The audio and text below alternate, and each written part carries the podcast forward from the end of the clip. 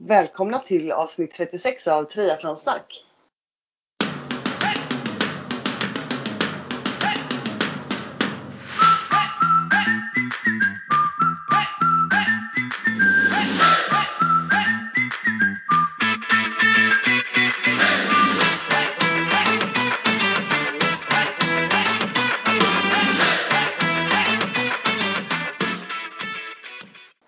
Mig Sofia Häger och med Therese Granelli. Välkomna tillbaka! Härligt att vara tillbaka efter, eh, vad är det, fyra veckors semester.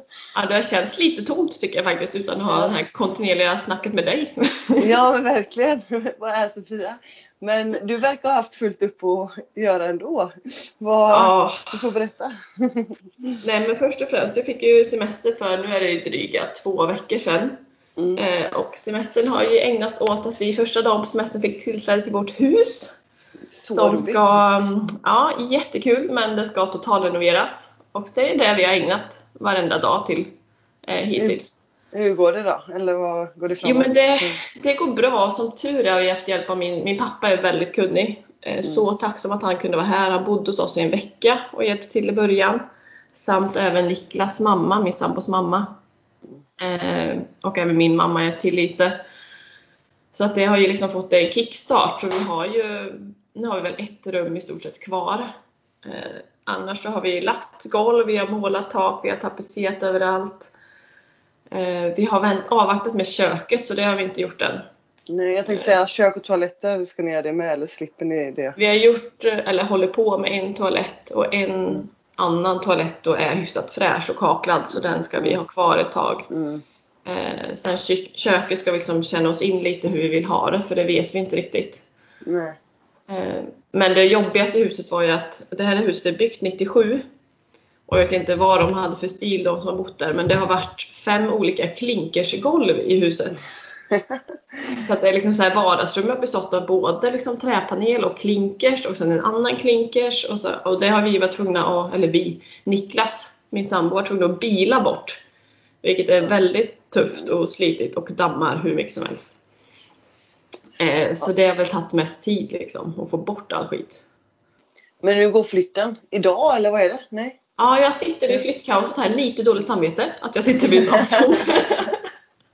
Bra planerat. Ja, men det är så här sista dag vi har bra wifi för sen får inte vi fiber förrän i oktober. Eh, Så vi kommer leva på 30G i månaden här nu efter det här. Så vi får se hur det blir med poddandet. Du får sitta på eh, kontoret. Ja, precis. Ja. Men eh, jag tycker det har gått bra. Det har ju varit kämpigt långa dagar och liksom fått dra ner på träningen såklart. Och, ja, det är ju bara en annan livsstil helt enkelt. Ja, det är klart. Men gud vad kul. Flytten Ja. går alltså idag. Så nu blir ni hus... eh, Ja, ägare har ni ju varit, men helt enkelt boendehus. Ja. Det är ändå lite skönt. Ja, men det ska bli skönt att faktiskt bo på ett ställe. Ja, eh, och ha allting där. Så det ser jag fram emot. Ska vi bara få den här dagen gjord helt enkelt. Så mina föräldrar Ja. kommer hit igen och min bror och hans fru ska hjälpa till och Niklas mamma är här. Och, ja, Ja. Så det är fullt hus här och springer upp och ner och jag sitter här. Fantastiskt. Det är grymt att ha så mycket, så mycket hjälp. Vi var faktiskt nere eh, och hjälpte min bästa kompis. Hon flyttade också till hus nu och de flyttade från två lägenheter till en. oh. Eh, Så de hade verkligen portionerat ut folk i först varje lägenhet då, så bara tumma, tumma, tumma och sen lasta in. Men de hade bra struktur så det gick faktiskt eh, bra. Man, som jag sa, när man hjälper till så är man orolig att det kommer ta hela, hela natten typ. ja. Men eh, nej, det gick fint och det var kul. Men det är bra, det krävs ju lite struktur och liksom lite planering. Ja, hon bodde högst upp utan hiss också så det var jävla med springa kan man säga. Ja, det är bra träning där. På tal om träning och så satte Malte på ryggen och jag bara extra tyngd upp och ner, upp och ner. Ja, shit. Ja, det är bra. Ja, det var fint. Ja, Eh. så, så är läget och jag är väldigt glad att vi ändå från början skulle vi fått tillträde i oktober. Men sen Okej. fick vi ju sålt vår lägenhet ganska snabbt så vi fick tillträde snabbare också. Och jag är Det var ju så bra att glad det för det. För att vi hade ju inte pallat det här om vi inte hade haft semester. Alltså jag vet inte vad vi hade tänkt. Nej, Det var ju riktigt grymt att kunna matcha det också så man har lite tid liksom. Eh, Och verkligen kunna fokusera på det. Eh, Sofia? Ja, nu kanske hörs igen. Ja, du försvann. Jag bara, jag pratar med mig själv. Jag tänkte bara säga att jag måste nämna en sak till. Jag fick Ja. faktiskt en dag ifrån renovering Mm. under de här två och en halv veckorna och jag fick ju köra Tempo-SM. Eh, som gick i Lekeryd utanför Jönköping i lördags. Eh, Fantastiskt. Vad, gud vad kul att få tävla. Det är ju inte många som har gjort det det senaste kan man ju säga. Nej, jag hade ju inte haft den bästa uppladdningen så mina förväntningar var liksom så här, ja, men jag ska testa på att köra Mm. cykeltävling och ta mig runt och liksom köra det jag har. Eh, Men svinkul verkligen bara de här tävlingsnerverna innan. Mm, Jag bara mm. känner hur jag har saknat det. Ja, det är klart. Gud, hur gick det då? Kändes det bra? Med tanke på dina låga förväntningar då? Ja, med tanke på förväntningarna och förberedelserna och så, så gick det väldigt bra tycker jag. Mm. Eh, Jag höll mig på en sån wattsiffra som jag fått från min coach som jag skulle. Eh, Mm. Och det kändes bra genom hela loppet. Jag höll liksom ett jämnt lopp, skulle Mm. jag säga, vilket var bra. Eh, Och jag kom, vad var det, var det 23 tjejer med i elitklassen tror jag. Jag kom på 12 plats. Det är väl jättebra. Ja, jag tycker det. Och, det och ändå har jag så här tusen liksom, förbättringspotential från små grejer liksom, till hur man checkar in cykeln och grejer till eh, att, jag, att man kan liksom bana. För nu var ju första Mm. halva banan ganska kurvig, upp och ner och svåra. Mm. Det var där är jag väldigt osäker för jag ställer mig upp i varje kurva. Jag är livrädd när liksom vinden tar tag och sådana grejer. Mm. Eh, men sen andra halvan av varje varv var ganska så här rakt och platt. Så där levererade jag. När du bara Tog- fick tog igen. Ja. Ja, Men svinkul, så jag fick absolut mer smak på cykeltävlingar och kommer nog köra tempo-SM även nästa år hoppas jag. Gud vad roligt. Eh, Ja, Tempo-SM, då kör man på tempocykel, alltså din tricykel. ja liksom. precis. Ja. Fast det, det måste ju vara speciella mått så det är det som var så nervöst innan. För de mäter ju liksom cykeln direkt innan start. Mhm. Eh, Så då måste man ha vissa mått. Det får inte vara liksom för utdragen som en tempo eller triathloncykel kan vara. Då. Eh, Och får man inte ha vattenflaskhållaren på i fram där som jag hade min ubåt så den fick jag ta vid sista Mm. stund. Eh, och massa sådana grejer. Men det är ju, ja man sitter ju på tempocykeln eh, och så är det, var det tvåvarvsbana på 16 km så totalt 32 km. Mm. Och vinnaren var Lisa Nordén, hon har vunnit de senaste fyra åren. Också väldigt kul att se henne live Ja. köra liksom. Och jag kom, vad kom jag, fem minuter efter henne kanske. Så där har vi lite, att, lite att jobba på. ja men fantastiskt ändå. Hon är ju rutinerad. Ja, Verkligen. nej men Mm. svinkul. Vad har du hittat på dig i semestertider? Ja, alltså vi, Victor gick på semester eh, ja, men, tio, vecka 27 och har tagit sju veckor ledigt. Så vi har ju haft ganska mycket tid ihop här, så härligt. Eh, och vi tog våran pick och pack och flyttade ut till landet i Strömstad på en ö där. Eh, så vi har väl utgått härifrån men gjort lite små äventyr.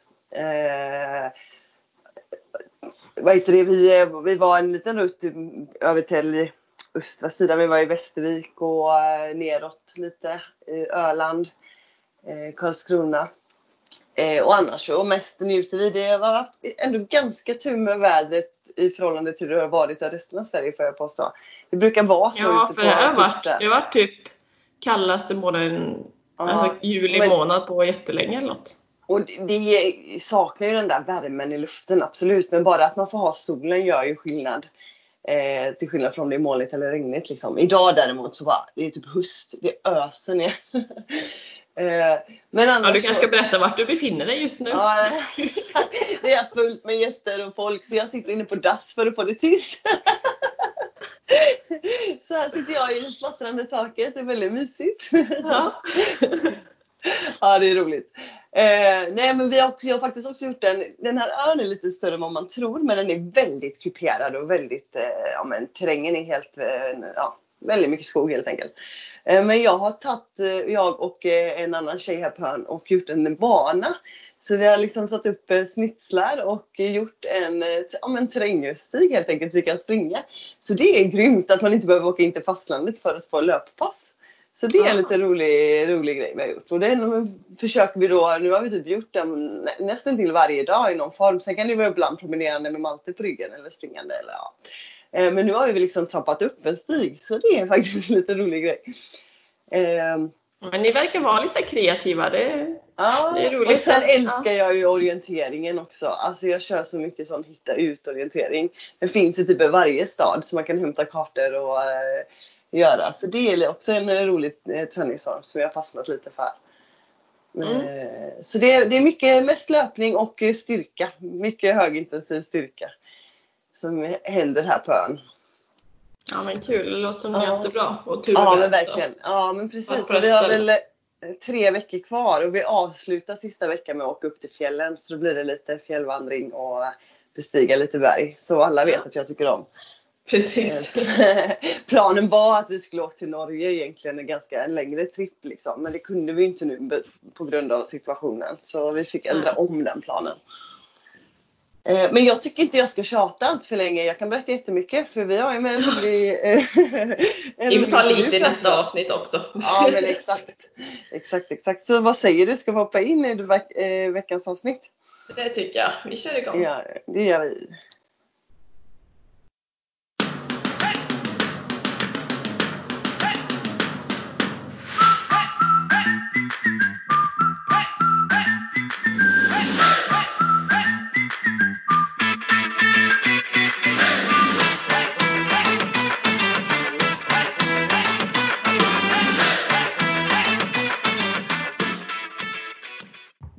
Har, avsnittets gäst har faktiskt varit med i podden tidigare. Så jag tycker faktiskt ingen större prestation behövs. Utan eh, vill man lyssna in mer om hans bakgrund och eh, sin första tid som triatlet så lyssna gärna in på vårt avsnitt 28 som är med just Rasmus Svenningsson som nu vi har tillbaka till podden. Eh, Det är nu drygt en månad efter att han gjorde en full Ironman-distans på hemmaplan och även lyckades då köra den under åtta timmar. Så det är en av huvudsakerna vi ska dyka, in er, dyka ner i i det här avsnittet. Så välkommen till podden igen Rasmus! Ja, tack. Tack så mycket. Jag tänkte börja med frågan hur du mår och hur din motivation till eh, träning och triathlon är just nu. Eh, jo, men jag mår bra eh, och eh, nej, men jag har fortsatt väldigt hög motivation eh, till... Det är klart att... Ja, nej, men jag vet inte. Det var, det var någon nu här i veckan här när det var när, när de eh, eh, när det offentliggjordes att Kona blev inställd så vart man väl lite så här bara, ah, i, igen liksom. När ska det ändå... Eh, men jag tycker ändå att jag, nej men jag, jag har lyckats hålla humöret uppe ganska bra och, och jag har väl liksom levt på, jag har väl liksom lyckats att liksom sikta in mig på någonting och sen så har jag på något sätt tänkt så här att ja men den blir av lätt liksom så här, det nu, det, nu är det dags liksom, nu kommer jag släppa och sen så men den, den besvikelsen har liksom infunnit sig lite för många gånger nu så att alltså jag vill inte helt ändå eh, o, alltså att jag totalt liksom kan strunta i, i det här. Men, men det är klart att jag är fortfarande, nej men jag, jag är jättemotiverad fortfarande, det är jag verkligen. Liksom, och, Um, och, nej men som jag tänkte komma till det lite senare, alltså, jag ser det här som en, en, liksom, Ehm, en lång resa som jag har framför mig. Ehm, och eh, och det, det är bara att ta tillfället i akt då och liksom bygga, bygga en så stark kropp som möjligt inför, inför liksom många år framöver. Så, att, eh, så att det är väl liksom lite grann det perspektivet jag, jag lever i och det, det gör väl eh, saker och ting lättare just nu. Då. Men jag tror att det är många som tycker det är lite mentalt jobbigt att det här målningen eller förhoppningen om när det ska dra igen eller dra igång igen förskjuts hela tiden. Ja, Som verkligen. längre och längre fram. Ja, nej men och absolut. Och jag kan ju känna att eh, det har väl börjat liksom tära på mig också nu, helt klart. Ehm, så att, så att, ja, jag tror verkligen inte att man ska känna sig ensam om man, om man har, den, har den känslan, så att säga. Ehm, definitivt inte. Nej. Eh, vid vår förra intervju var eh, eh, precis när saker och ting började stänga ner för eh, Corona. Vad har du gjort och fokuserat på sedan dess?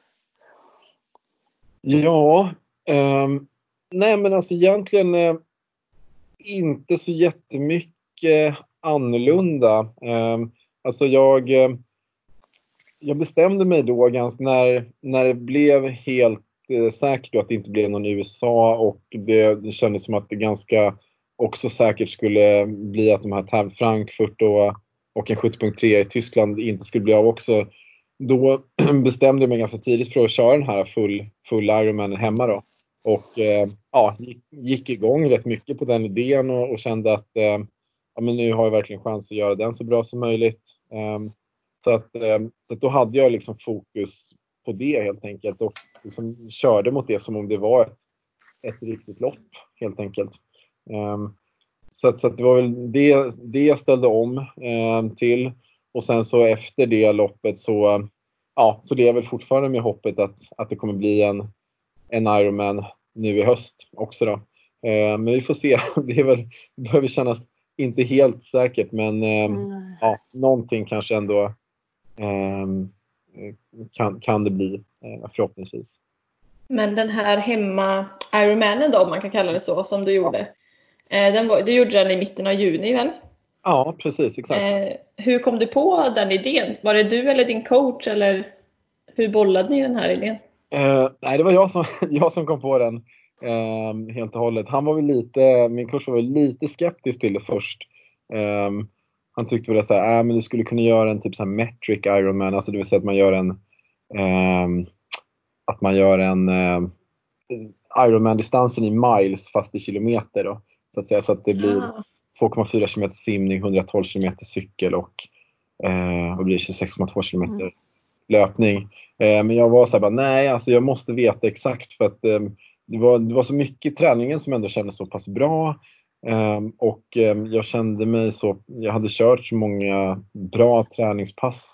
Uh, men, men det var liksom den här sista biten, jag vill liksom veta liksom hur, hur kommer jag må den här sista timmen på Ironman? För det är då på något sätt som allting kommit till kritan. Så jag var väldigt bestämd faktiskt att jag ville köra en full, en full Ironman och att det var väldigt viktigt för min motivation också. Ehm, jag hade legat på och kört så varit väldigt fokuserad i min träning och fått till otroligt bra träning också. Kände att formen var jättebra. Eh, så att det var verkligen så här, men om jag kan göra allt det här jag gjort i träning, vad, vad liksom leder det till i en full Ironman? Jag vill liksom, det går inte att ta reda på det på något annat sätt än att bara köra fulla distansen. Så att jag ville se liksom så här, okej, okay, nu har jag liksom sett vad jag kan göra i träning i, i liksom flera månader. Liksom det har varit väldigt stabilt, bra formmässigt. Men, men vad, vad betyder det egentligen i en tävlingssituation så att säga? Um, så det var, det var det som var syftet då med, mm. med att köra. Men du säger att du, hade fått till mycket bra träning. Eh, men hur förberedde du dig inför en hemmatävling och hur såg upplägget ut? Um, ja, nej men alltså, det var väl egentligen precis som en um, som jag skulle ha gjort till en vanlig tävling då, mm. eh, kan man säga. Um, minus resan helt enkelt. Sen så blev det väl kanske lite så stressigt dagarna innan med att fixa allting eh, som hade att göra med, med det praktiska. Då. Men eh, eh, Ehm, annars så körde jag väl en, en taper på en ja, fem, sju dagar, sju, åtta dagar kanske något sånt där. Ehm, och ehm, de liksom veckorna innan var ju också ganska mycket då specifik träning på liksom, ja men det här, de här vatten ska jag försöka hålla på Ironman, då ska jag lägga liksom längre liksom intervaller, 45 minuter, en timme liksom på, på den nivån och sen så springa mycket liksom i de farterna jag, Eh, jag tänkte mig att ja, det här, det, den farten ska gå ut på löpningen och sådär. Eh, så, så det var ju ganska mycket, säg sista månaden var ganska mycket specifik sån träning då. Eh, och, eh, och innan dess. Eh, och det var mycket, ganska mycket volym också då och inte jättemycket, jättehög intensitet heller då för att det var just en, en Ironman och inte en, en halv Ironman då. Mm. Men vad hade du? Hade du någon support längs med tävlingen eller hur, liksom, hur såg din bana ut som du hade satt upp? Ja, ja men precis. Nej, men jag hade ju en bra support eh, från min familj då. Eh, egentligen var det ju eh, ja, men hela, hela familjen var med. Och, eh, nej, men så min pappa var med på en sån här stand-up paddleboard eh, på simningen. Eh, och eh, åkte med där. Och sen så hade jag en 180 km slinga då eh, som var liksom en, ja, nej, inte riktigt fram och tillbaka men det var ganska mycket fram och tillbaka kan man säga. Eh, men start och mål var på, på samma ställe i alla fall. Och eh, eh, så fick jag då langning på liksom specifika platser som vi hade bestämt. Då. Här, här langar vi dricka. Eh, så att det skulle simulera så mycket som möjligt då en, en riktig eh, Ironman-tävling. Och eh, så var, hade jag ju, ja familjen de körde i bil. Ehm, ja, fram och tillbaka liksom. Eller eller låg bakom ibland liksom och, och så. Um, ja, och placerade ut sig på de här platserna för att, um, för att langa en dricka. Då. Så ganska likt en riktig tävling? Ja, absolut. Det var målet. Fast utan deltagare? Ja, Vart eh, geografiskt var detta? Vart körde du? Eh, det var i Upplands Väsby. Eh, ja, okay. Det är en ganska bra Alltså det är en väldigt bra väg där för cykling. Mm. Det är ganska många i Stockholm som cyklar där ute. Mm. Um, det är väldigt lite, det är inte, eller inte jättelite trafik, men det är framförallt väldigt lite korsningar och väg, eh, vägkorsningar och, och, rondeller och trafiklysen och så. Så att det, det är liksom, ja, jag var inte alls störd av trafiken. Och sen så är liksom, banan är ganska platt och ganska snabb också får man väl säga. Um, men ja, hyfsat vindutsatt förvisso. Men, men eh, ja, men just framförallt att liksom här har man mycket, man får mycket väg utan att man behöver liksom eh, tänka på trafiken så mycket. Då. Mm. Så det var väl huvudsakliga skälet. Och sen var det löpningen då på en, eh, en cykelväg. Eh, körde sex varv, det var liksom 3,5 kilometer fram och tillbaka. Eh, ja, eller nej, 3,5 kilometer ut och sen så då den här tillbaka, så 7, 7 kilometer en slinga och sex varv. Ja. Då undrar man lite så här, när du är själv och utan att ha andra liksom, medtävlande med dig. Ja. Eh, hur lyckas du pressa dig själv ensam på en hemmatävling och att leverera en så bra tid som en, du ändå fick? Um, jag gick ju liksom in för det här stenhårt får jag väl säga.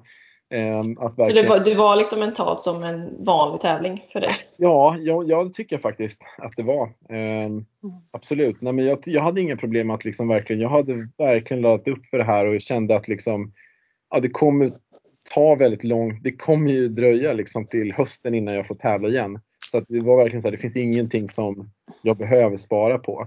Uh, och uh, nej, men jag var väl ändå, jag hade väl någon sorts liksom ja, det kändes väl som, ja, jag hade väl en dröm ändå om att kanske åtta timmar var möjlig, möjligt ändå.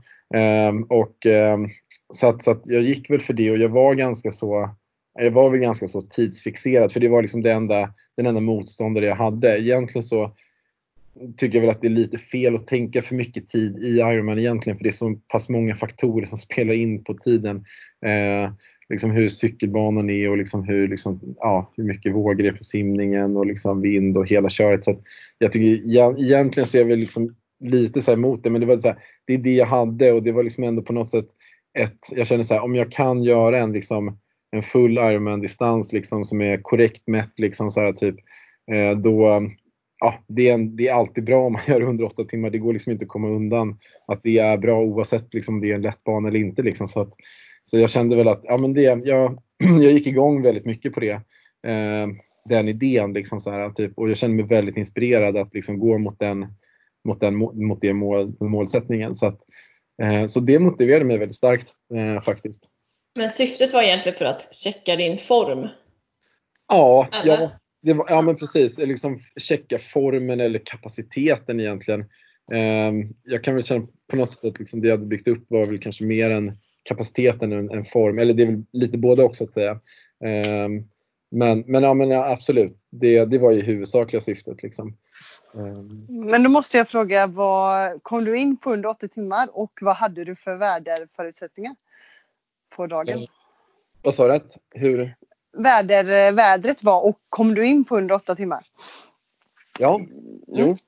Jo men det gjorde jag ju. Ja, med en halv minuts marginal. ja, det är ju ja. Uh, nej men det var väl ändå bra väderförutsättningar får man väl säga. Uh, det, det, vill alltid, blåser alltid lite grann där på, på den vägen. Uh, men, men jag får inte att liksom, det var inte det var ingen superblås idag liksom. Ganska... Val, valde du dag efter väder? Eh, nej, nej det var, jag valde ju liksom, jag hade satt den här dagen som typ ja, sex veckor fram i tiden för min mamma och, och brorsa kom upp från Göteborg och sådär så att liksom det var, nej det var liksom inte alls det som styrde. Eh, så att, och de ville ju veta i tid liksom, så, att, så att vi hade satt den här helgen eh, och köra. Att, eh, att det då, ehm, men, men det, var, ja, men det var en varm dag. Eh, simningen var jättelugnt, liksom, det var en sjö.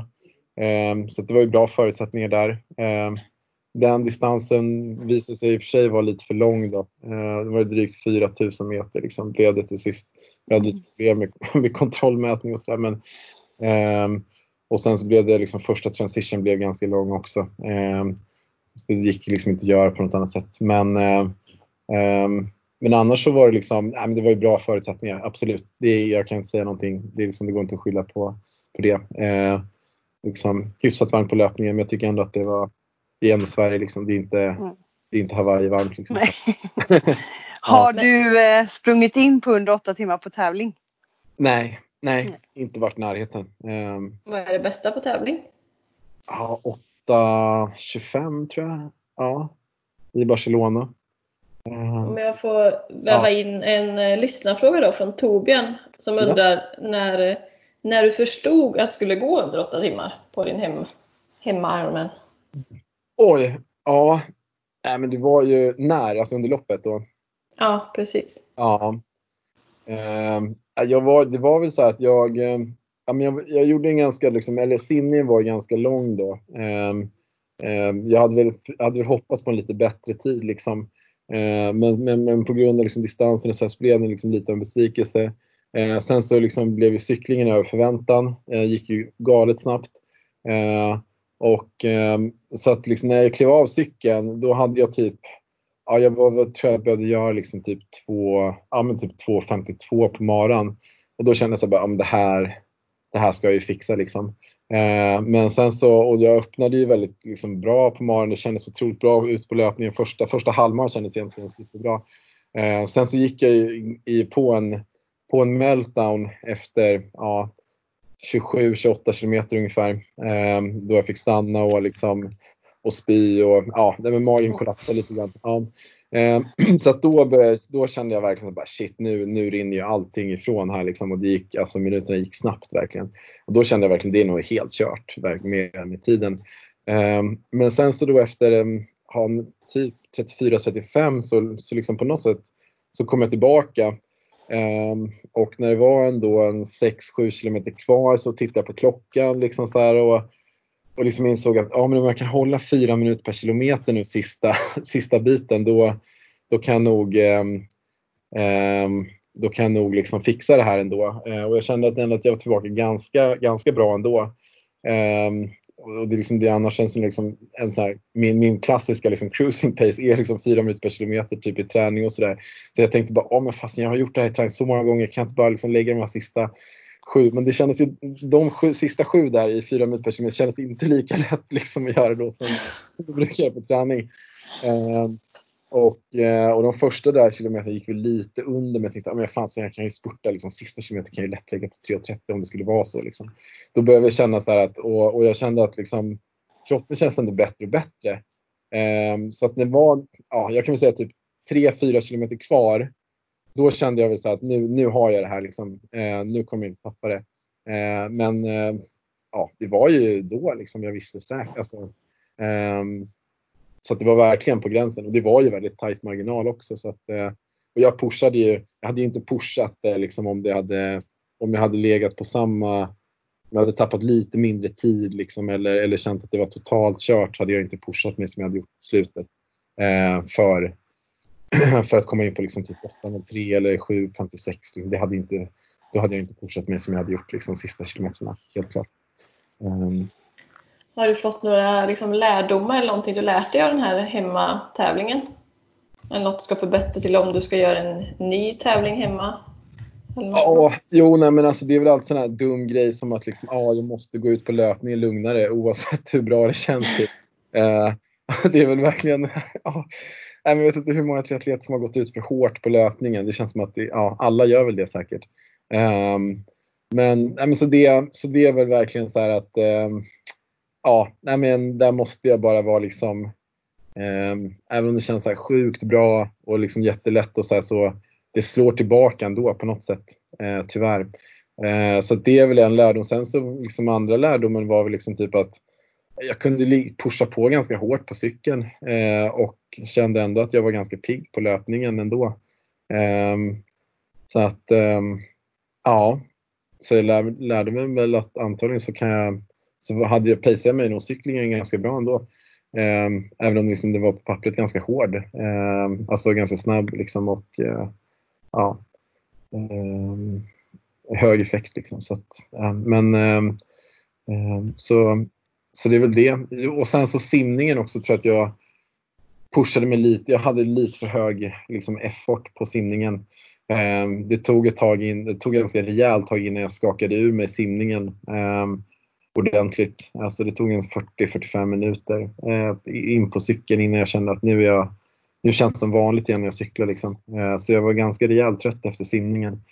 Eh, så det vore ju skönt om man... Det tror jag att jag skulle kunna spara lite på att liksom backa tillbaka lite grann där och sen så vara lite fräschare ut på cykeln. Ehm, att ehm, ja, nej men det är liksom för hela, hela magen, liksom att den ska kunna ta upp energi och så här för hela dagen så kan det vara bra att inte gå ut för hårt på simningen också. Så, att, så det är något som jag ska börja jobba med nu. Eh, bland annat att, att köra typ en full Ironman-distans på F, Ironman effort och sen så typ köra en timme direkt efter cykeln. Eh, eller direkt efter simningen på cykel. Eh, det är många som kör brick, liksom cykellöp men, men Just det. Mm. Så, det, så det har väl jag kommit fram till att det är något jag behöver träna och lära mig, lära känna min kropp bättre i den situationen. Så egentligen lärdomarna att ha det lugnare på simningen, trycka på på cyklingen och lugnare i början på löpningen. Ja, precis, exakt. Um, så overall ja. så får du ta lite lugnare helt enkelt. Ja, Bra sammanfattning. Precis, exakt. Ja. Nej, men det, det, brukar, det brukar vara den lärdomen man, man gör.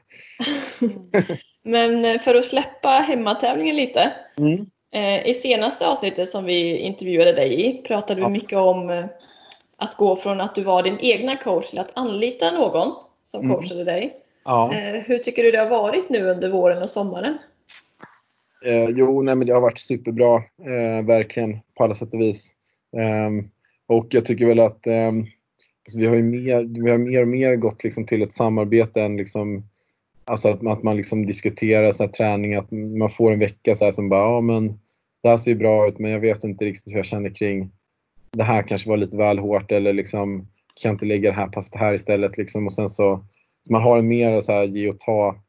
Det har blivit så mer och mer med tiden i alla fall. Ehm, så att, ehm, nej men jag tycker det, det känns otroligt bra. Sen så är det också så, det är också så roligt att ha någon annan.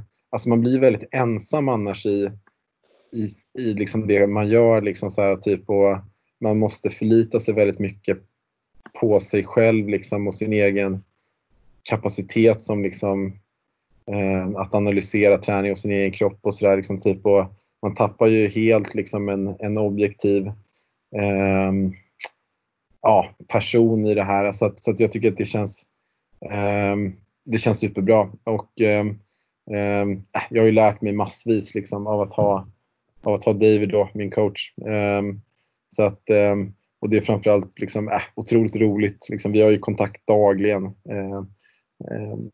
Näst, nästan varje dag alltså. Uh, så, att, så att det är verkligen en jätteviktig person i mitt liv. Så, att, så att det, det, det är superkul liksom, och har gett mig jättemycket också, rent um, tillbaka. Alltså jag menar, jag, jag har ju förbättrats ofantligt mycket um, på bara liksom nu har vi kört tillsammans nio månader ungefär. Um, och du tror att det är största nyckeln till att du har förbättrats? Ja, alltså absolut att det är den. Att, um, ja, um, absolut. Det tror jag. Den, sen är det klart att visst, för mina förutsättningar har ju förändrats också. Um, alltså att jag nu har ju kört på heltid och sen i, sen i januari. Um, så, så det har ju liksom naturligtvis spelat en stor roll också. Då. Men uh, jag tror att jag har verkligen skiftat min träning helt och hållet uh, och tränar på ett helt annat sätt nu och det känns som att jag har svarat otroligt bra på den typen av, den typen av förändring. Så, att, uh, så jag, jag, är rätt övertygad om att jag hade liksom inte, och sen så liksom alla de här små detaljerna också. Vi jobbar mycket så med ja, aerodynamik på cyklingen, liksom så här, typ på utrustning. Liksom så här, att liksom hela tiden jobba med att liksom försöka hitta det allra, allra bästa för mig. Liksom. Ehm, så, så det är också en process som han, som han coachar mig i eh, och har definitivt lett till, liksom, ja, nu fick till en superbra cykelsplitt Liksom. Eh, så att, eh, och där, där har vi liksom gjort en massa tester för att liksom komma fram till vad, vad, vad passar bäst, liksom, vilken dräkt är snabbast för mig och, och hjälm. Och, Men vad är några sådana liksom, praktiska saker som har gjort stor skillnad nu när du har fått coach? Liksom tester eller position på cykeln eller utrustning som du inte hade samma koll på innan? Um, alltså det är nog kanske mest position på cykel. Um, David har ju mm, har varit en del, har ju kört mycket, gjort mycket bikefits. Eh, så han har hjälpt mig med det. Ehm, jag har testat en del hjälmar. Ehm, så, så att liksom, men, men den största delen är ju ändå träningen, alltså absolut. Ehm, det är ju, och jag skulle nog inte säga att det är liksom så mycket, alltså ja, vi har gjort lite tester så här, men det, ja, det känns ändå som att liksom, träningen är den bästa testningen också på något sätt. Eh, som att vi, vi kan köra så här att liksom, om jag har kört ett pass här, om jag kör 160 kilometer i det som du känner är liksom race pace för Ironman. Liksom. Eh, och sen så du ska kunna springa och sen så spring 20 kilometer efter det direkt efter. Liksom. Eh, och sen så liksom tittar man så här, ja, men hur, känd, hur kändes det? Liksom, så här, typ, på, hur gick löpningen? Hur kändes löpningen? Liksom, hur, hur kändes cyklingen? Eh, men bara en sån sak, liksom, jag vet inte, det, jag har nog gått ifrån mer och mer liksom, eh, olika typer av eh, av liksom proxymarkörer eh, för, för liksom typ vad man kan lägga sin, ja, sin pacing liksom eller, eller sin träning utan det handlar mer om liksom så här, typ att, att gå så nära som möjligt liksom sin, sin fine line. Um, alltså det, det, det man ska göra på tävling helt enkelt. Ehm, så att hela den här grejen att jag förflyttat allt fokus till liksom så här, typ tänka så specifikt som möjligt. Förut så kunde jag vara ganska besatt av, ja men vad är min fem minuter power på cykel? Liksom så här, typ. Nu är jag så här, jag skiter fullständigt vad den är, liksom, vad är min tre timmars power? Det är liksom det som betyder någonting. Um, så att, um, ja, nej, men så, så, att det är liksom, det, där har jag liksom skiftat, liksom ett, det är liksom det största förändringen som har gjorts. Jag har skiftat från, från liksom så här, att titta på så här, vad kan jag göra på liksom kortare distanser högintensivt liksom så här, till att mer och mer strunta i det och titta liksom så på vad kan jag göra på, på långa distanser liksom över liksom 3, 4, 5 timmar på träning och, eh, och känna liksom hur hållbart känns det här liksom typ att um, ja um, men, men det kanske också är um, det kanske är mer att liksom det är svårt kanske som age-grupper att göra de typen av, av pass liksom. Jag vet inte men det, men det, det är i alla fall så som så som jag jobbar så jag känner att det känns väldigt rätt i alla fall. Um, att, att liksom bara titta på vad är det man egentligen ska göra på tävling och sen så eh, se hur, hur man, hur man liksom förhåller sig till, till de bitarna. Mm. Mm. Eh, men framåt då, hur ser dina mål ut nu? Vad, vad är nästa stora grej du ska göra? Ja, precis. men, eh, eh, Ja, men det, jag, jag, jag har anmält Ironman Österrike nu som jag hoppas, hoppas, hoppas. Eh, jag vet inte alls hur det ser ut. Det är säkert jätteliten sannolikhet att den blir av. Eh, det nya datumet 20 september. Eh, och, men jag, liksom, jag lever fortfarande liksom i eh, hoppet om att den blir av för då liksom blir träningen mycket mera, mer motiverande då, eh, tycker jag. Då, när jag har någonting som så här, det här nu, liksom, det är det här som händer. Eh, annars så Annars så liksom fick jag någon nys nu om att Ironman Cozumel skulle bli av. Eh, så då anmälde jag mig till den. Eh, så i värsta fall, nu så här, det känns lite segt att åka till Mexiko. Eh, mm. Men om, om, det är liksom, om, det är den, om det är det som krävs så kommer jag nog ta mig dit. Ehm, När går den då? Jag tror, ja, typ 22 november tror jag den går. Så det är ganska lång tid kvar, tyvärr. Um, men jag, vill, jag är typ anmäld till alla Ironman som, som går i eh, och Sydafrika och eh, Cozumel nu. Liksom. Eh, och jag är, liksom mest, jag är väldigt inriktad på Ironman-distansen också nu. Jag känner verkligen att det är där jag, det är där jag är mest motiverad. Jag tycker det är jättekul med mm. också men, men jag känner så att det är, jag har nog bäst förutsättningar för Ironman-distansen. Så att liksom, min träning är väldigt inriktad på det just nu och jag hoppas verkligen på att det kan bli, kan bli av ett full, full distance rate. Jag är inte jättetaggad på att göra en till typ sol Ironman faktiskt. I nuläget i alla fall. Men känner du att det här coronaavbrottet som ändå varit, har det varit bra eller dåligt för din eh, form och din triathlonkarriär? Um, ja, det var en väldigt bra fråga. Um, Om du tänker långsiktigt? Ja, långsiktigt så kanske ändå så kanske det har varit bra. Um, ja, jag vet faktiskt inte. Um, nu körde jag ändå den här tävlingen så att jag har liksom ändå inte fått den här super, super, super extrema kontinuiteten i träningen ändå. Um, men Nej, jag vet inte. I slutändan så kommer det inte spela jättestor roll tror jag. Eh, men det är klart att om det är så att liksom, jag tror att det är, jag tror att det är få som har kunnat vara mer motiverade än vad jag har varit under det här avbrottet i alla fall. Eh, så att det kanske har varit liksom fler som har svajat som har fått någon sorts fördel gentemot dem då. Jag vet faktiskt inte. Eh, det är ju många som till exempel inte har kunnat simma. Ja, Under liksom början av våren känner du att du fått fördel från, jämfört med dem? Jo, men jag simmar så, dåligt ändå. Så, så att de kommer nog tillbaka ganska snabbt. Nej men, eh, nej men det är klart, absolut. Eh, men att det, det, det får nog inga så jättelångsiktiga konsekvenser. Nej men det är klart att det är jättetråkigt. Jag hade klart att jag hade liksom aldrig liksom, jag hade alltid liksom, aldrig velat byta bort liksom, eller vad ska man säga? Eh, jag hade inte velat liksom, ja det här var, det här kändes bra liksom så. Um, det, det, det känner jag väl inte. Liksom. Utan om, om, om, det hade liksom, om jag hade sluppit det så hade det varit roligare såklart.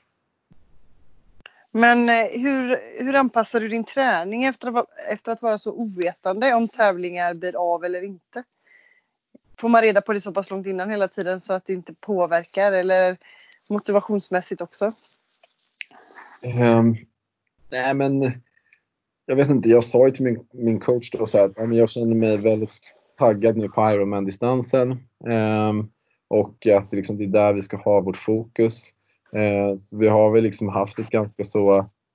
Sen så, jag tror att liksom det, det upplägg jag haft har inte haft en så um, väldigt stark periodisering ändå mm. utan det har mer byggt på att liksom bygga fitness väldigt sakta men säkert hela tiden. Liksom. Eh, så jag tror inte att träningen har påverkats jättemycket. Det har nog blivit större kontinuitet, absolut. Eh, och, eh, och sen så försöker jag liksom då att jag försöker tänka mig in i den här situationen att det blir tävling. Ehm, så att då håller jag mig liksom taggad och motiverad mentalt. Ehm, men, ehm, men just, just eftersom att vi liksom har jobbat med att liksom ständigt bygga fitness liksom, sakta men säkert, långsamt, liksom, vecka för vecka liksom, utan någon vidare jättestor eh, periodisering. Då. Eh, så, så får jag väl säga att liksom, det har nog inte påverkats jättemycket faktiskt. Eh, och man kan nog, liksom, man kommer alltid få veta liksom, sig en månad innan. Eh, och då har man liksom gott om tid att ställa om till mm. att göra det här race-specifika då som ändå är, som ändå jag tänker är ganska viktigt också då. Så att man mm. får reda på i tillräckligt god tid. Men sliter det inte ganska mycket på kroppen att ligga på liksom nästan vara race-redo under så pass lång tid? För nu skjuts ju liksom deadlinen fram hela tiden utan att, liksom, att man hinner vila eller ha den här periodiseringen? Jo, nej men absolut. Ehm, och, och jag, ja, jag trapp, trappade ner efter, efter min Ironman då. Ehm, så körde jag ändå några, några lugnare veckor och tappade väl en del fitness också. Ehm, liksom.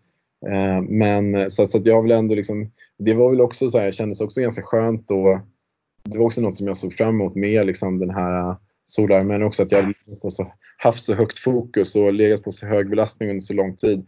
Jag kände väl liksom att, att det var bra för då kan jag göra det här och fokusera på det och sen efter så kan jag ta liksom nya tag och få ladda om mentalt liksom ganska ordentligt. Då. Um, så, att, så att jag gjorde väl det på sätt och vis. Uh, men absolut, det, det, um, det kräver ju helt klart att man, alltså det kräver mycket liksom att hålla den nivån uppe.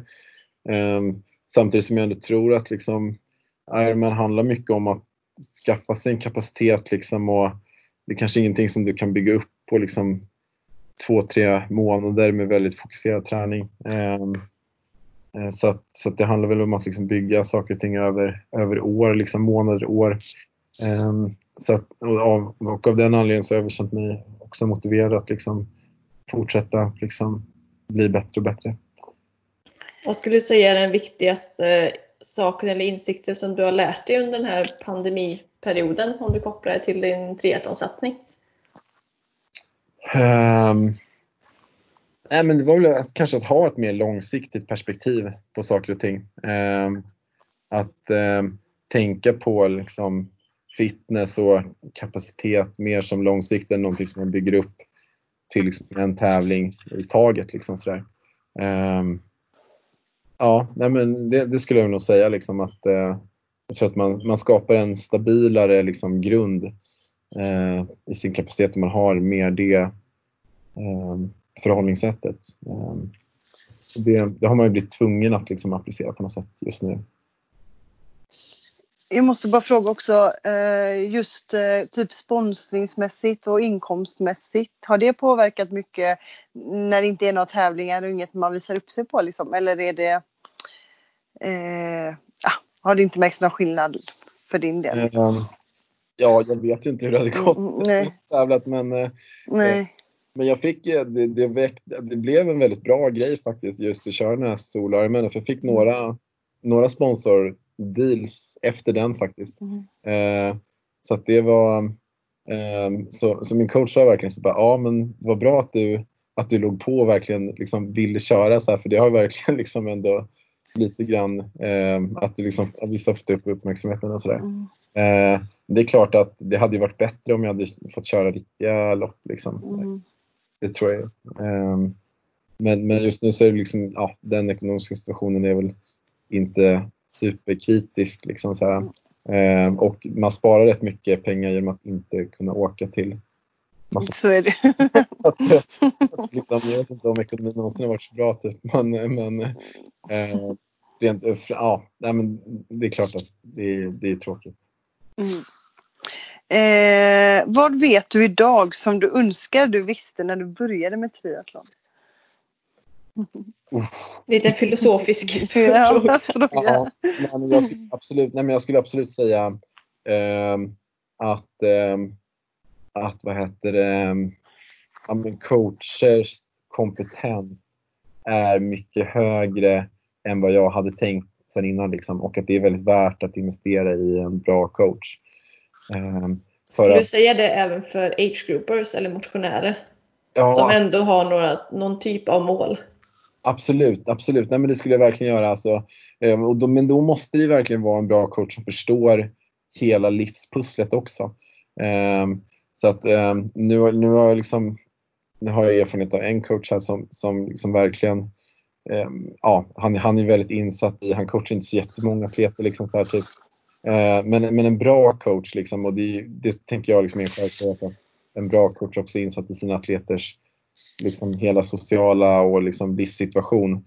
Ehm, men, men det, jag, jag var mycket så här, liksom ändå kommer från en så vetenskaplig bakgrund och liksom lite grann tänkt så här, ja, men coacher, det är inte så här supervetenskapligt alltid, alla gånger. Liksom så här, typ, kan man inte liksom bara liksom applicera vetenskap? Liksom. Men jag, i det här gamet så, så har jag verkligen liksom ställt om väldigt mycket där och tänkt att nej, men det, det är så svårt att applicera det är bra vetenskap på den här typen av um, på liksom den här typen av prestationer. Så att eh, därför så blir liksom ja, coach som har varit med i och liksom har mycket erfarenhet, deras liksom kunskap eh, och det de har med sig blir otroligt viktigt. Liksom. Um, så, att, ehm, så det är väl någonting som ja, nej, men jag skulle vilja att jag hade liksom haft en coach liksom, tidigare. Typ. Um. Mm, jag tänkte vi ska hinna med någon lyssnarfråga till. Ja. Eh, vi har en från Simon som undrar om du har några vilodagar? Um, ja, men ganska få faktiskt. um, ja, nej men det Eller om du vill svara på hur din återhämtning ser ut. Nu är ju du proffs, eh, så ja. det är lite annat jämfört med en vanlig levande, vad jag säga. ja, Nej men, men jag kanske har typ en kanske full hel vilodag i månaden typ. Eh, men sen så har jag liksom ändå, alltså jag har ju alltid kanske en eller två dagar i veckan som är mm, alltså väldigt lätt liksom. Eh, men det kanske ändå är två, tre timmar träning. Men det är väldigt liksom lågintensivt och lätt liksom. Eh, och sen så, ah, det kanske är någon dag som är ännu lite mindre träning än så också i veckan. Eh, en, två timmar liksom. Väldigt liksom, lätt jogg liksom eller man bara simmar ganska lugnt. Eh, kanske lite bålstyrka, typ så. Um, men, är det du är det du som bestämmer när vilddagen ska vara för att du känner att du behöver det eller är det din coach som sätter, sätter upp det? Han sätter ju upp det. Eh, men han sätter upp det ganska sällan. Så att ibland så säger jag så här, nu, nu, måste, jag, nu måste jag ta en vilodag. Eh, eller nu måste vi dra ner lite grann. Eh, så att, eh, men så, det är liksom en, en diskussion man har. Mm. Eh, men sen så jag tar ju verkligen liksom, alltså återhämtning är superviktigt. Alltså verkligen liksom. Så, så där tar jag superseriöst på att, att verkligen se till att försöka typ, ta en liten nap varje dag nästan. Eh, på ja, närmare nio timmars sömn varje natt. Eh, så att, så att liksom, och, och även liksom maten också, att den liksom tajmas väl med passen. Så här, det, ja, eh, ja, men det, det är en del av återhämtningen också som jag är jättenoga med.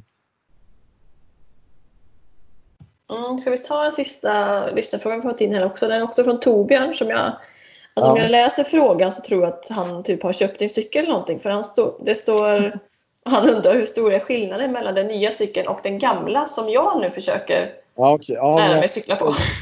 Precis. um, nej, men de känns lite annorlunda att cykla på liksom. Um, sen så min känsla är liksom att den nya är mycket snabbare så nej, det är... uh, vad är det du har haft för cykel och vad är det du har för cykel nu då? Jag hade ju en Canyon Speedmax eh, tidigare Eh, som inte var riktigt den senaste modellen. Eh, typ modell 2014.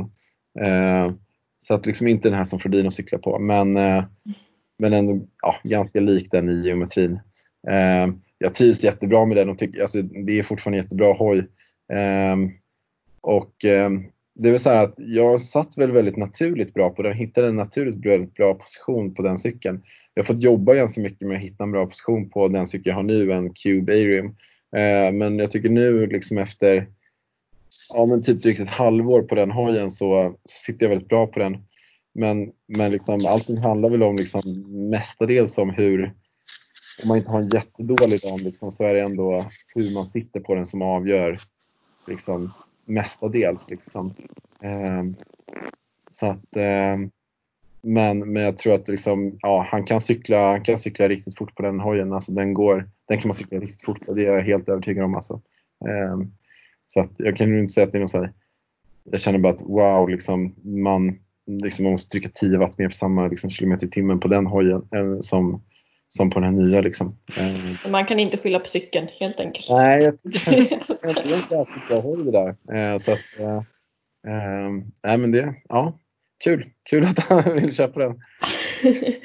Men eh, jag undrar om vi ska hoppa in på veckans, tänkte jag säga, avsnittets topp tre-lista som du Rasmus har fått förbereda lite grann. Yes. Och vi har varit inne och touchat lite på det innan. Mm. Men det vi vill höra är dina tre bästa tips till någon som har motivation som svackar på grund av läget nu i världen med inställda lopp och tävlingar och osäkerheten kring när det drar igång. Mm. Eh, Nej, men jag tänkte då den första liksom lite grann som är, har med liksom, kanske lite med mentalt att göra då. Ehm, så är liksom, tänker jag att det här är ett ganska bra tillfälle att verkligen gå till botten liksom, med sig själv och att försöka hitta liksom, så här, vad är det som gör mig motiverad liksom, till att hålla på med, med idrotten. Liksom, så här, typ. Um, för att uh, det är klart att tävlingar är säkert en jätteviktig del för många, liksom, så här, men jag tror att det, jag tror att liksom, det är nog svårt att, särskilt som triathlon kanske de flesta tävlar liksom två, max tre gånger per år. Eh, och om man då ska ligga massvis av timmar i veckan eh, för att förbereda sig till de här liksom väldigt få tillfällena eh, så, så tror jag att liksom man måste försöka hitta det som ger liksom glädjen i, i liksom processen. Så att säga. Att komma till tävlingen liksom, och hitta vad är det som jag, vad är det där som jag är mest motiverad och tycker är roligast. Liksom. Um, och, um, så, så det är väl mitt tips, liksom, att verkligen försöka, om man känner den här motivationsbristen liksom, så, här, så kanske liksom, då är det så här, men vad, vad ska jag göra annorlunda i processen för att liksom um, kring, kring liksom att förbereda mig för tävlingar och så här, för det är ändå en jätte, jätte, jätteviktig del eh, av det idrotten handlar om tycker jag. Liksom, att man tycker att liksom, eh, träningen och liksom processen till tävlingen. Liksom, så här, förberedelserna är, är väldigt roliga och ska ge en väldigt mycket. Liksom. Så att försöka verkligen hitta, hitta den biten. Eh, tror jag är liksom mitt, mitt liksom så här, verkligen gå till botten och vara helt ärlig mot sig själv också. Liksom i, i, när det kommer till den biten. Då. Om, det, om ni förstår ungefär hur jag menar. Ja, men det tror jag. Om ni Bra. får en följdfråga, om det var oklart. Eh, Nej, men det var bra tycker jag. ja, Therese, vill du dra nästa Det är grej? klart jag vill. Eh, vi brukar alltid avsluta med fem snabba. Du har redan gjort dem skulle jag säga då. Eller? ja. Ja, du kanske ska komma på fem snabba på studs här Therese. Men, Ah, no. Men det är nog en fråga som är ändrad sen sist.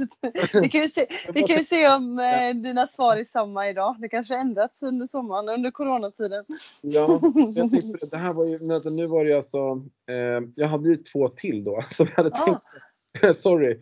Eh, ja, Ja, nej men så att det första det var den här mentala grejen, försöka hitta det som liksom eh, det som gör att man liksom så här, ja, älskar processen liksom så här, typ. Eh, och sen så var själva liksom den andra delen, tänker jag, är liksom så här, typ att ha ett mer långsiktigt perspektiv på sitt idrottande.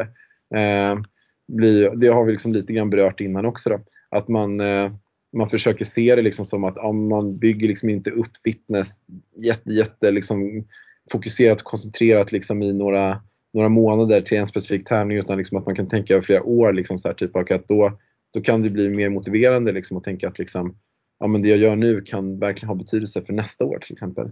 Eller Och året inte, och inte bli lika besviken tänker jag om det inte alls går rätt på just den tävlingsdagen. Ja, ja men verkligen liksom. Mm. Ehm, och sen så tänker jag också liksom att ehm, ehm, som en mer konkret tips, liksom så här, att kanske Eh, det här är ett väldigt bra liksom, tillfälle att, att liksom, jobba på den, den här liksom, typ basträningen helt enkelt. Liksom, att bygga en, en stark aerob bas. För jag tänker att det är många, många age-grupper som liksom, så här, typ, vill få liksom, ut most bang for the buck liksom, och, och kör mycket högintensivt och sådär. Men att eh, i, just nu så, liksom så här, kanske man inte behöver vara lika girig på den fronten och försöka liksom att man kan utnyttja det till att liksom, förbättra sin aeroba bas med, med liksom längre, kanske lite lugnare pass. Eh, ja, så det, det är väl de tre, tre tipsen som jag hade då. Ja men bra. Det var ju faktiskt en topp tre-lista vi ville ha. Så att... Lite snabba fram där. Ja, ja. Men jag tycker ändå vi ger oss på de fem snabba Ja. så får vi se vad vi får för, eh, för svar av det idag. Vi får jämföra Man får helt enkelt gå tillbaka till avsnitt 28 i- till slutet och se om du svarar Ja. samma. Ja, precis. Precis. Och alla nya lyssnare får, eh, som inte vet helt enkelt. Ja, Men jag som sagt drar två alternativ och du ska svara utan så lång betänketid. yes. Yes, jag sätter igång. Eh, Mm. Träna med eller utan musik? Utan. Träna på tidig morgon eller sen kväll? Tidig morgon. Sprint eller olympisk distans? Olympisk. Eh, skavsår eller håll? Skavsår. Varma eller kalla förhållanden under tävling? Varma. Trodde du sa att du var trött på solskens eh, tävlingen? Va? Sa du inte det? Att du var trött på solskenstävlingar? Va? Sa jag det? Nej. Nej, nej kanske inte. Det är något du har hittat på sådär. nej, jag vet, nej, men, nej, men det är skönt. Alltså, ja, jag, vet, inte, jag höll ju på med skidåkning tidigare och där var allt så kallt så att jag tycker ändå det är så sjukt nice att det är en sommarsport. Och, det är gott. Kontraster. Ja. ja, Men eh, olympisk gissar jag du tar på grund av att du gillar distans så långt som möjligt eller? ja, precis. Ja. Ja. Och eh, hur motiverar du skavsår istället för håll då? Um, nej, men skavsår, det kan man alltid liksom det kan man alltid pusha sig igenom på något sätt. Alltså håll kan ju Mm. verkligen det kan verkligen bara säga nej men nu, alltså det här går ju inte, jag måste göra någonting, alltså jag måste stanna typ eller sakta ner. Men skavsår, det, det har, kommer ju aldrig till den liksom. Håll är Eh, mer liksom inne i kroppen och skavsår är mer utanpå kroppen på något sätt. Bra, bra Sofia! Ja. Korrekt.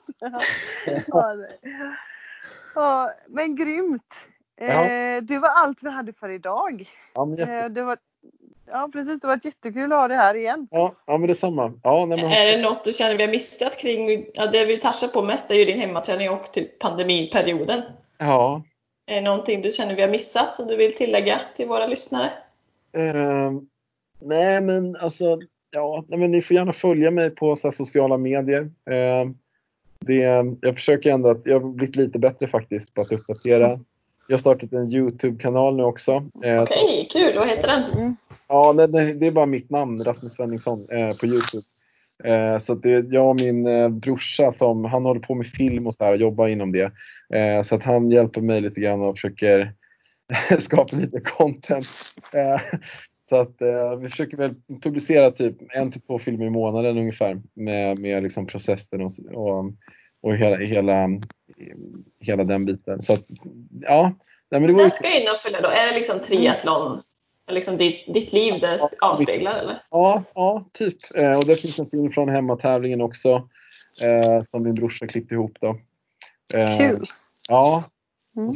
och någon ny film nu, lite så här om basic, bara så här info typ om mig. Um, nej, men så att det, det är väl något som jag är taggad över att liksom få igång en, ja, ett, ett litet liksom nyhetsflöde på, på den, ehm, ja, via Youtube då. Så att eh, det vore kul. Eh, Och på Instagram heter du Rasmus Tri, eller hur? ja, Rasmus S3. Ja, Mm. Okej, Rasmus S. Tri. Ja. ja. men härligt! Då, Ja. Det var det vi hade för det här avsnittet då. Får se om Ja. det kommer en tredje gång. ja, Om, du, gör något exakt. annat, om du gör något annat galet. ja, jag, jag, jag eh, är gärna med en tredje gång om ni vill det liksom. Så att, eh, Ja. ja. Vi kan väl bara Roligt. nämna nästa avsnitt här innan vi stänger av. Eh, Så det är om två veckor ungefär och då ska vi intervjua Jonas Kolting. Som jag tror de flesta i triathlonvärlden känner till namnet på vid det här laget. Eh, Så har ni några frågor till Jonas så skicka in dem på vår Instagram triathlonsnack eller på mail triathlonsnack outlook.com. Yes. Kan bli ett långt avsnitt tror jag. Han är en åsiktsmaskin och bra på Ja. att prata. Precis. Men, Men eh, ja, tack Rasmus! ja, tack så Så jättemycket. får vi önska lycka till när tävlingarna väl drar igång. Ja, tack, tack. Eh, ha en fortsatt bra sommar alla lyssnare. Ha det gott!